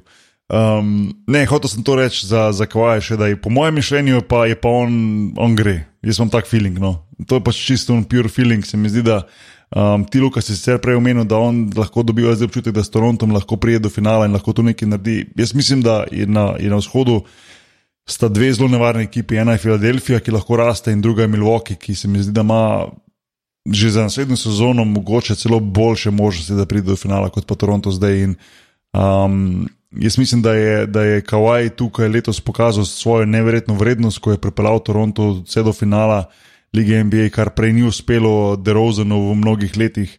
Uh, on, je, on se je tukaj vrnil, v, oziroma prišel je nazaj na igrišče, oziroma v Toronto kot igralec, ki je spustil celo sezono zaradi poškodbe, ni se vedelo, kaj bo, a je on še sploh pravi ležit superstar ali ne, in je vse to presegel. Jaz mislim, da je on tu naredil svoje in da enostavno ga bo zamikalo sploh pot v, v LA, zdaj bo to Lakersi ali Clippersi. Um, verjetno Clippersi, ampak jaz mislim, da je to njegova naslednja destinacija. Če se ne motim, je on iz LA, če imam Ja, ja, prav. Ja. Um, se ne da je to odločilen faktor, ampak sigurno je faktor. No. Tako da to je pa moje skromno mišljenje. No. Uh, pa mogoče, če, če gremo še na drugo stran, mogoče lih mm, ist podobna situacija, Kevin Durant uh, ostane, gre, če gre, kam gre, a pobiramo stave, ne, ja, New York. Ja, dajmo pobrati. Jaz pravim, da gre, pa gre v New York. Okay. Ja, ja mislim, jaz tudi mislim, da je šel, no, iskren. Tako, čeprav, je- če, če ima kjera tako ekipa, kjer pa zgledajo, da skup hodijo kdaj na večerje, ne, uh, je to Golden State. Tako da, ne vem, no, ampak Ja. ja. jaz mislim, da gre. Ja. No, se dosta tudi odvisno, verjetno, od cel- od cele recap situacije. Jaz ne vem, kaj, kako lahko oni zdaj na tej točki sestavljajo pogodbe, brez da pač lastnik še globlje seže v žep. Uh, tudi Clay Thompson, mislim, da bo free agent uh -huh. naslednjo sezono, če se ne motim. Ja, ja, ja. Sezono. Tako da, ja, um, Draymond Green bo sigurno pričakoval Max, si predstavljam. Tako da, nečkaj, nečkaj fajn situacija. Um, kar se tiče razmišljanja o tem, kako sestaviti ekipo, brez da um, vsakih pet minut kličeš lastnika, pa rečeš, ja, še 20 milijonov bo treba dati, pa še 30, pa še 40, ker tisti salary cap je no joke, kar se tiče uh, penalov. Um, ampak uh, ja, zelo, zelo bi si želel, da gre v New York. In, um, jaz sem bil kot najstnik velik fan New Yorka in pismo, da bi New Yorku končno nekaj ratalo. Tako, ker to prosim, pa res ne. je. Do štirih žalostno. penov, a kaj. Ja. Pač vedno sem, vedno, sem, vedno sem si želel, no, da bi New York eh, imel um, nabit Madison Square Garden, ker igra neko finale vzhoda ali pa finale lige NBA in ker vidimo tisto pravo vzdušje, ker se mi zdi, da New York in pa New York, šport v New Yorku, kadar je uspešen, je pa čist nekaj, pa another level. In, uh, in ja, če gre New York, uh, jaz, jaz nisem. Zelo dolgo kupil dobenega dresa od NBA igralca, sploh pa ne odkar sem jaz sam šel v Ligo NBA. In če gre Durant v NBA, si bom šel kupiti Durant New York dres. evo. No, wow, Tako. okay. To ne pa je ja. endorsement. Ja, tako Jaz da zdaj ja. želim, da gre v New York. Tako da ja. Um, ampak to je to, no, to je, to je bil pregled lige, oziroma pregled playoffa letošnjega, um, ena, ena, bomo videli, koliko smo imeli prav in koliko smo falili pri naših napovedih. Um, a imamo še kakšno weird zadevo za dodati? Pižamc. Uh, lahko jaz začnem s svojo. Uh, Izvoli. Lamar odom. Uh, eh? Oh, wow. Wow, okay. Začel se je dobro, Začel se je dobro, je, začel se je izjemno. kar odlom, ne bi lahko človek rekel, da bo. Yeah, no, wow, Uh, okay. da leta 2004, ko je uh, izvedel, da je prišel v ekipo, v reprezentanco za olimpijske igre, uh, je Rato malo živčen, ne? ker preden je zvedel, da pač bo on v en od teh dvanajsterice basketašev. Uh, je malo preveč na izi si ga vzel, glede na to, da je že končal sezono in uh, se je uh, ko bi človek rekel, ukvarjal z Sticky Iki Iki. Ne? In ko je izvedel, da bo prišel čez nekaj dni uh, v njegovo, uh, k njemu na obisk uh, možakar z doping kontrole, ne? je malo zapaničaru in uh, so začeli googlati uh, fake penises uh, in uh, študirati, kako bi pretentali ta test. In je dejansko, uh, potem so si naročili nek umetni penis in je njegov uh, osebni trener, ki se ni drogiral, uh, mu posodil urin in je uh, potem pofejkal uh, in prišel naprej na olimpijado. Uspešno je čast. torej pofejkal. Ja. Uspešno je pofejkal, uh, ni mu rad uspešno pofejkati uh, polfinala tisto leto. Ne. Ja. To je ta Ampak, ej, sem nek, ampak sem nekaj bom rekel, ne, da, da, da mislim, ne vem, ali smo se to že pogovarjali ali ne. Da jaz mogoče lahko razložim, kako izgleda taka doping kontrola, ne, ki sem jih imel fair share v svoji karieri. a ne. Um, očitno tisti, ki je delal test, je mogel biti resen pravi šalabajzer, ali pa pač ne, ne vem. Pač, Zdaj se bom direktno izrazil, pač ne zna ločiti med umetnim in med pravim pismom. Ne vem. No. Zato, ker tebe dejansko človek gleda v tvoje mednožje, medtem ko lulaš. No, tako. Okay. Oh, okay. je A pa, si, a si bil kaj pišaj? ja, jaz, sem bi, a, jaz sem bil katastrofa. Lahko vprašaš kjerkoli reprezentanta. Jaz sem ponavadi, sploh na teh aerobasketih, pa to vstaja v dvorani tudi do dveh, treh zjutraj, um, ker pač enostavno nisem mogel iti, ker pač ne morem, če me nekdo gleda. In enostavno sem se toliko vode napil, čeprav ti tudi pir ponujajo brezalkoholni, by the way, ker pa jete bolj požene, jaz pa ne maram piva in, uh, oziroma okusa. Piva in sem s tisto vodo tako dolgo bil, da na koncu se res enostavno nisem več držal. Enkrat se spomnim v Nemčiji, smo igrali tekmo, v, mislim, da je bilo v Ulmu in sem bil po tekmi izbran za doping kontrolo in sem do enih treh, štirih po noči bil v dvorani, tekma je končala recimo nekje v enih osmih, devetih zvečer, ker pač enostavno nisem mogel iti me je mogel en iz kluba tam čakati in sem prav videl na faci temu človeku, da je tako jokov, dobesedno sam v sebe, noter, kdaj boš ti že šel, da gremo domov. tako, da, tako da je res neugodno, ker, ker, ker dejansko ti pač moraš, ja, izvoli. Ja. A te lahko nekaj vprašam, ker si ti, ki greš na stranišče, na pisoar v lokalu, a lahko uriniraš, okay. če je kdo na pisoarju v sosednjem lokalu? okay. Uh, tako bom rekel. Uh, Recimo, predstavljaj si sceno na letališču, kjer je pač deset pisoarjev v vrsti, jaz grem v enega in tri, štiri so, še zasedeni. Če se slučajno zgodi, da kdo gre na enega, ki je takoj zraven mene, greš ti. dobi, dobi, dobi death stare od mene. Tako, tako ga gledam, ga, pa itek ga dol gledam, tako dejansko ga gledam v čelo noter, dokler se ne omakne, ker je pač no go. No. Um, A je kdo, no, hotel je ta Death Star že zamenil za kaj drugega? Oh, oh, vprašanje. O, človek, Vprašanje na mestu. a, mu bom pokazal. Vprašanje na mestu, ampak ne, ker moj dester je resna zadeva. Se ve, tako da ja. se ve, ve se. Okay. A, Jezus Kristus. Ja. Kaj smo um, mi danes delali? Ne vem, uh, Boki, uh, tvoja vir zadeva.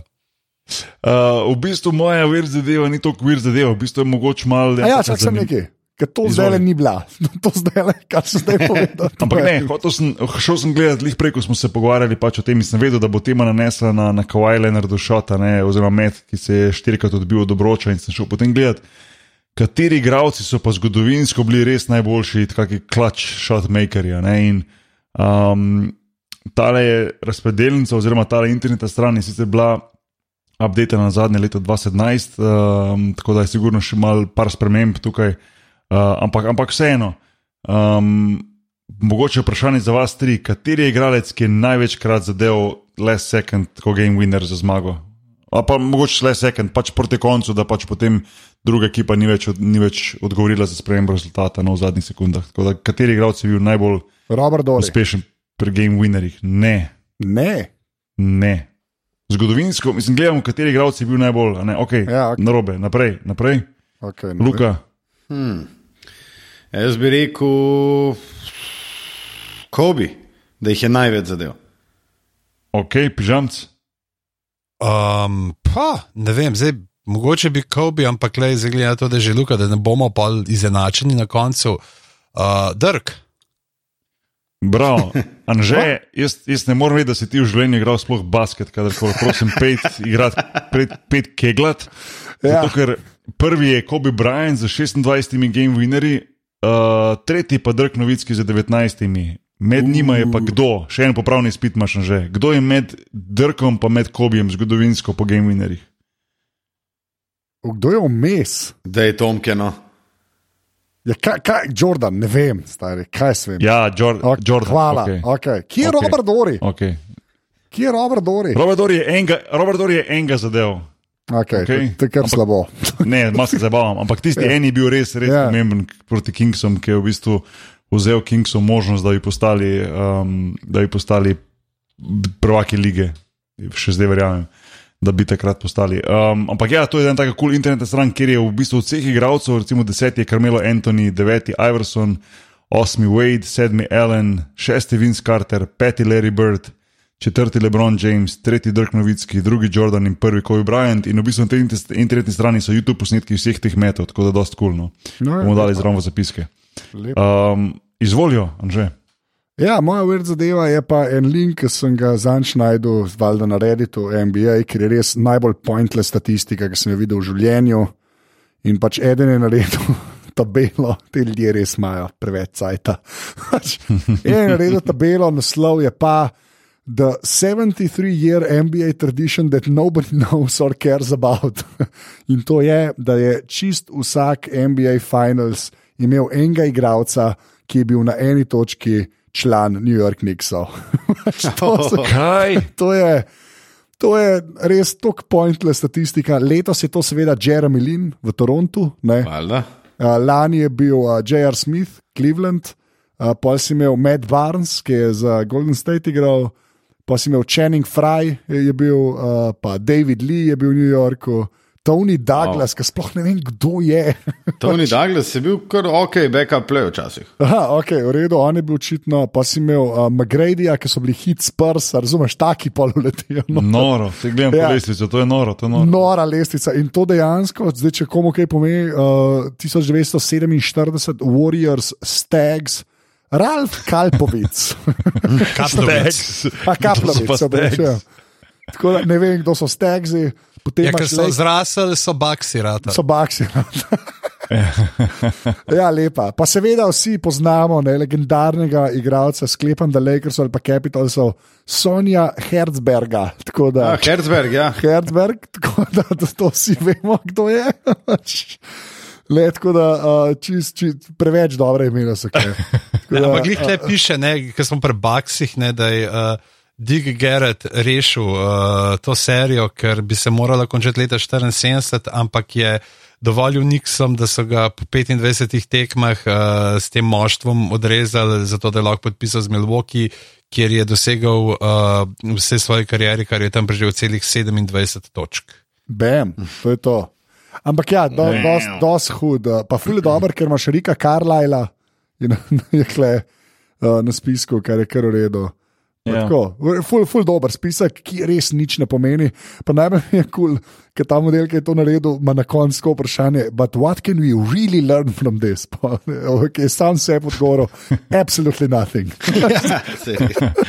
Ne, ampak, ampak, Ja. ampak dobra fora je, pa, ki je še, še predtem napisal. Napiše, although now Kevin Durant probably has no reason to sign with the Knicks because the streak already lived on. Damn it, Jeremy. ja, da, evo. Lepo. Um, Glavnem, to, to, Ampak eh, se pa je napadla. se, to, me- to me je spomnilo zdaj na nekaj, da v bistvu eh, še ena zanimivost, eh, da je pa še Kilo Nil ima od leta 84, um, se pravi, da bom prav to povedal. Um, Šakilo Nil ima svoj igralca, ki je igral v, ligi, ki je igral v svoji karieri v finalu lige NBA vse od leta 84. Mhm. A Ja, je- razumeš, je kako hoče logično. Ja, Kdo? Ja, se pravi, se, ne vem, nisem videl liste, ampak je pisal, da letos se je, se je prav posebej zahvalil Danielu Greenu, ker je v bistvu z njimi igral skupaj v Clevelandu. Uh, in je rekel, hvala, da my streak lives on. Mm, Tle imam še član pod lani, uh, George Kite iz Celticsih je bil ta prvi. Oh, okay. Wow. Okay. Od leta 84. Ja. Ja, ja, ja. Ja. To bolj pomeni, da smo mi stari. Točno to. Se mi zdi, Točno to. to, to je Točno bolj. to. Ja. Ja. No, ok, lepa. Uh, se pravi, kdo, še kdo? Jaz sem čist Luka, zmeden. Luka, imaš še kaj za dodati? Ja, jaz sem en, en ni tako weird zadeva, kot je weird story. A se kdo spomne, da spomni Bisona Delija, Jaz se ga spomnim. Brian Williams. Ja. Model je igral za Orlando, Denver, Clippers z Bulci, je bil 97. prvak lige NBA. Ne? Rojen je bil sicer Brian Williams, ker je imel neke eh, čarovki korenine in v čast, v čast temu je se je preimenoval v Bisona Delija. Ne? Zdaj, zdaj že pokojni. Ne? Ja, ampak je pa zanimivo, kako je umrl. Oziroma, Okej. nihče ne ve, kako je umrl. Zato, ker on je 8 let igral v Ligi NBA, podpisal z Detroitom in potem se odločil nekega dne, da pač ne bo več igral basketa, da ima dovolj denarja. Si, um, oziroma, on je bil tudi vem, umetnik, ki igral je saksofon in tako naprej. Tak malo, malo poseben človek je bil in, je odlo in se je odločil, da bo kupil katamaran in uh, z njim oplul svet. Ne? In leta 2002 so Bison, njegova punca, brat in skipper na tem katamaranu, eh, ki so ga poimenovali Hukuna Matata, um, odpluli z Tahitija, no in njegov brat Kevin Williams je bil edini, ki so ga kasneje videli ali slišali, potem ko so dva dni kasneje um, se javili prek satelitskega telefona. To je bil zadnji stik, ki so ga imeli recimo, ljudje iz uh, From the Land ne, uh, s tem katamaranom. No in 12 dni kasneje se je na tem istem katamaranu na Tahiti vrnil samo njegov brat. Sledijo delajo, punci, skiperju ni bilo več. Ne? No in valjda je FBI takoj skočil in začel preiskovati zadevo. Ta model, Kevin, ne brat, pa je vmes z nekim ponarejenim podpisom, pa pasportom svojega brata Briana, naročil zvezdni državi, mislim, da je bila Arizona, naj mu preda za 150 tisoč dolarjev zlata, zato ker ti si mogel pač naročiti, da so ti dejansko dali iz nekih rezerv ta zlato in ga, ne vem, pač denar zamenjali, kako koli. No. In to mu je dejansko tudi uspelo. In pol so ga v bistvu FBI ga je dubo po Money Trailu. In so poiskali valjda glavnega osumljenca, ki je bil seveda brat, ker Bisona in njegovo punco ter skiperja nihče nikoli ni več videl. ne. Um, torej, precej verjeten morilc. ne. Najdel so ga pa v nekem hotelu v Tijuani, v Mehiki, kjer je, ko je izvedel, da prihajajo kopi oziroma feci, ne, namerno overdose z inzulinom, padel v komo in pol en mesec kasneje umrl. Fuck. Ok, to je bilo pa. Tem, to, zakaj ni filma? To In hotel reči. Točno to sem hotel reči, to je, stari, to je tak thriller. ja, to je kar noro. Ja. Je Všeč, res mi je, ja. všeč mi je ime katamarana. Ja. Hukuna Matata. Ker, Ja. to, je kar redo. To, to. Ej, da ne bomo končali tako uh, insulinsko, vse skupaj uh, tega le bi jaz samo še eno stvar, dal, ker sem jo zadnjič sem že na Twitter dal. Uh, Beast Coast uh, so dali zdaj le platoven en kolektiv, ki so pač se zadnji let Full Flat Bush Zombies uh, poslušal po tej plati Vacation in Hell, pa Joey Badass, pa še par drugih je v tej ekipci in uh, tako poslušam plato, ko se vozim danes zjutraj gor, kao se res tole ne, uh, so dal ven in tako na neki točki zaslišim tako Luka Dončić eh, uh, v komadu in uh, Nik Košen, eno te ekipe, uh, pa reče: I'm on my Brooklyn dancing, young boy like Luka Dončić, big league, I'm up, I'm wilding. Tako da uh, Začel se je. začel se Začel je, se je, uh, začeli smo dobivati pozitivne revije, v, ne, tako kot sem tudi na Twitterju objavil, ni več defaraj, pa feeling good like uh, when the Lakers traded Vladej. Uh, in potem je dal še uh, čekaj, uporabnik Jaden, uh, Afnat Zaden je dal. Uh, Ne, Martin G. Bucket, nek tipček, ki sicer dela tako YouTube raper, pa nekaj video, te prav, ima pa dejansko komat Luka Dončić. Oh. Tako, Ah, ok. Ja, prav, I be, referen je, I be bowling hard na rookie season like my name Luka. Okay. Wow. Se pravi, začel se je. To je to. A je kdo slišal od, od polja komado Luki Dončiču? Ne? Ja. Ne. Ne. Čaj od polja, od uh, salame ali. Ja, ja, Polica Lama je naredila, oziroma no, pri Poliju so naredili komad, Luki Dončić, nek spletni, no, ne bom zdaj delal reklame, ampak to je pa taka bolanija, da. Ej, dobro, da ne delaš reklame. Koliko je, koliko je na lestvici od nič uh, do Luka v Unmu Euroliga komado? uh, v Unmu Euroliga komado, ja, jaz bi rekel, da je Euroliga komad celo bolj boljši, tako bolj na nivoju, je pa res, da je polikomat, da Luke Dončiča zelo, zelo kečino. Kot ribice, okay. material. Ja. Ne, to je, to je tako nek instrumental iz igrice začetka 90-ih. Opa, en model, ki, če tu ti verjameš, da virko zadaneš, njeni, njeni, njeni, njeni, njeni, njeni, njeni, njeni, njeni, njeni, ker lukove trojke so žoge za šole. Dejansko na pamet. High five, superstar. Dvakrat sem slišal, pa cel ga znam na pamet in to mi gre tako na živce. Da... In to že en mesec imam to v glavi. Ješ, kakšna informacija je to, da, da ti ja. moraš imeti to v glavi? Ej, še, sreča, da, še sreča, da Poli ni sponzor tam med vašim tekmom in da vsak taj malo, da bi bilo to na, na športklubu. Ob treh zjutraj. ja, se točno to. Uh, tako je bilo uh, lani na Final Fouru, smo pa imeli na SK-ju, vsak time out smo imeli uno 7 days reklamo. Ja, za ja. rogličke, o moj, jaz, jaz sem bil tako srečen, da sem uh, v dvorani in da tega mi ni bilo treba poslušati. si predstavljam, ja. Pižamc, uh, povej, Admi. Uh, uh, gospe in gospodje, uh, po vsej tej košarki bo uh, prijalo nekaj sprostitve na internetih in ko boste surfali uh, po brez širih uh, spletnih prostranosti, se oglasite tudi v naših kotičkih aparatus.si. Uh, najdete nas potem na Twitterju, kjer smo afna aparatus počrtaj si in seveda afna podrobnosti počrtaj si, uh, pošljite poljubske pozdrave za našega sužnja strokovnjaka, ki pogreša pozornost, in pa na Facebooku aparatus.si in seveda tudi aparatus legitimna FB skupina. Uh, če ste najdel kakšen komat, kjer omenjajo kakšnega slovenskega ali pa bivšega jugobasketaša, dajte. Objavite tam, bomo naredili eno playlisto, uh, tako da že to damo kaj druge muske, da nas sam Post Malone poslušal. Uh, in pa seveda v tem podkastu Post Malone ne boste slišali, podpri Pikasi. Hvala. Ste pa slišali uno, kar je zdaj, da Luka pije, o moj bog.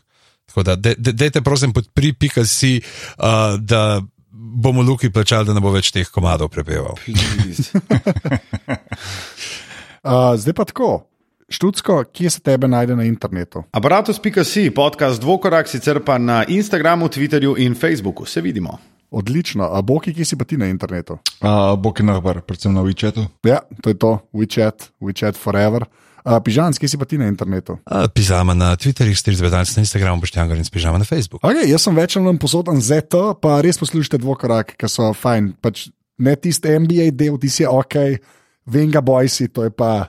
Te, te, to je zato, to je zato, zakaj se je vredno usmeriti. Ja, tako, ja, tako, tako, tako basket, a v redu. Venga, boys, uh, come on. Anže, reč, mejte se. Uh, okay, mejte se. Luka, uh, poslovi se, kot si sam želiš. Adijo. Jaz bom rekel, hvala, ker ste bili z nami in boki.